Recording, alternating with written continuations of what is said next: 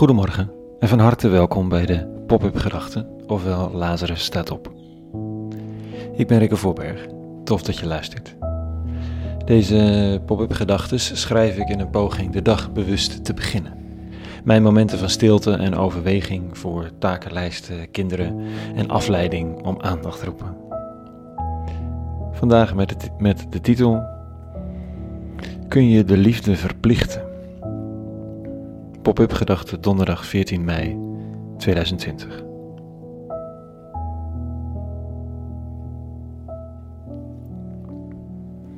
Het is een mooi moment, zo tussen 6 uur en 7 uur ochtends. Niet het moment dat de wekker gaat per se, om 6 uur, maar de rest. Het feit dat er nog niemand is, behalve ik. Hier in de stad en in huis lijkt alles nog te slapen en ik kan mijn eigen gang gaan. Niemand wil iets van me. Ik hoef me tot niemand te verhouden. Ik sta even op het balkon en sta naar de lucht, opgaande zon, wolken, een oneindig universum daarachter. En voor een heel klein moment ben ik alleen op de wereld. Ik hoef niets met mensen, zij hoeven niets met mij. Ik heb koffie, lees teksten, schrijf en deel en that's it. Ik hoef even niemand lief te hebben als ik alleen ben. Natuurlijk zijn er luisteraars, maar dat is een abstractie. Ik schrijf dit niet voor anderen, het is mijn eigen zoektocht. Ik weet ongeveer wat er om me heen gebeurt tussen zes en zeven. Namelijk helemaal niets. Wat een rust. Ik hoef even niet lief te hebben, zo gezegd. Niet direct, niet onverwacht. Ik hoef geen mails te beantwoorden, social media te checken, kinderen eten te geven of buren te woord te staan. Men noemt zo'n moment een spiritueel moment, maar als ik de tekst van vandaag lees, vraag ik me af of dat wel zo is. Of dat het een voorbereiding is op spirituele momenten die plaats kunnen vinden gedurende de dag. Als de rabbi uit Nazareth, nee Jezus, zijn leerlingen een opdracht geeft, geeft hij hen maar één ding te doen. Hij zegt vandaag dit. Dit is mijn gebod, dat u elkaar lief hebt, zoals ik u heb lief gehad. Niet u hebt mij uitgekozen, maar ik u. En ik heb u de taak gegeven op weg te gaan en vruchten voor te brengen, die blijvend mogen zijn. Dit is mijn gebod, dat u elkaar lief hebt. Ze krijgen de taak om lief te hebben. Dat is gek eigenlijk, hè? want liefde overvalt je toch? Die klik, dat romantische gevoel, dat verlangen in al je botten, die broederschap, verliefdheid, liefde voor je kinderen. Dat gevoel van totale verwondering als een waanzinnig stuk natuur zich aan je ontvouwt. Liefde voor je huisdier desnoods.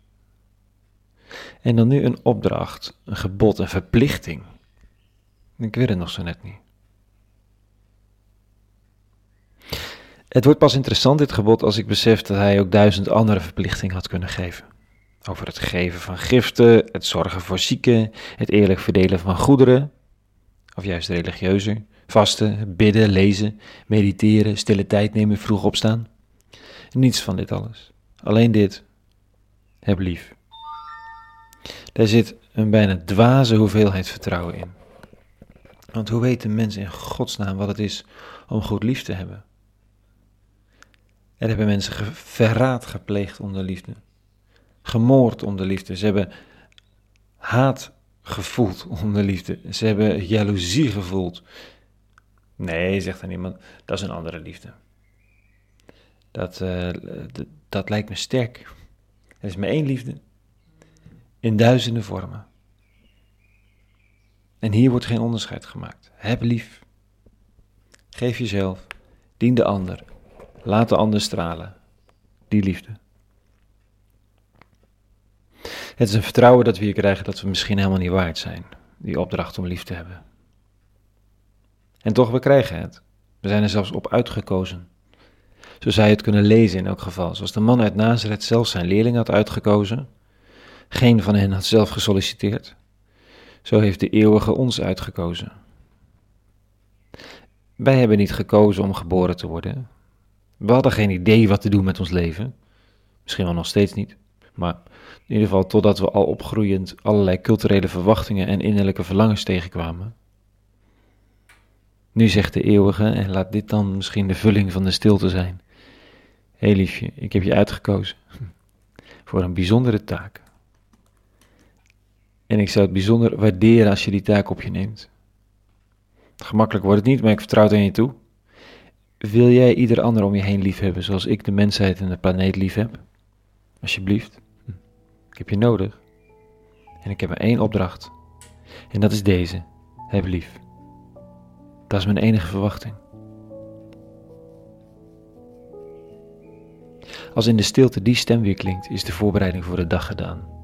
Dan kan de dag weer spiritueel worden, zo gezegd. Want niet deze stilte is het moment van spiritualiteit. Het is hoogstens een herinnering om uit je ziel te leven. De ziel die geroepen is, de mijne. De ook, gok ik zo. Hm. Tot zover de pop-up gedachte vanochtend. Een hele goede werkdag gewenst deze donderdag. Met maar één echte taak eigenlijk. En met die taak vrede gewenst. En alle goeds.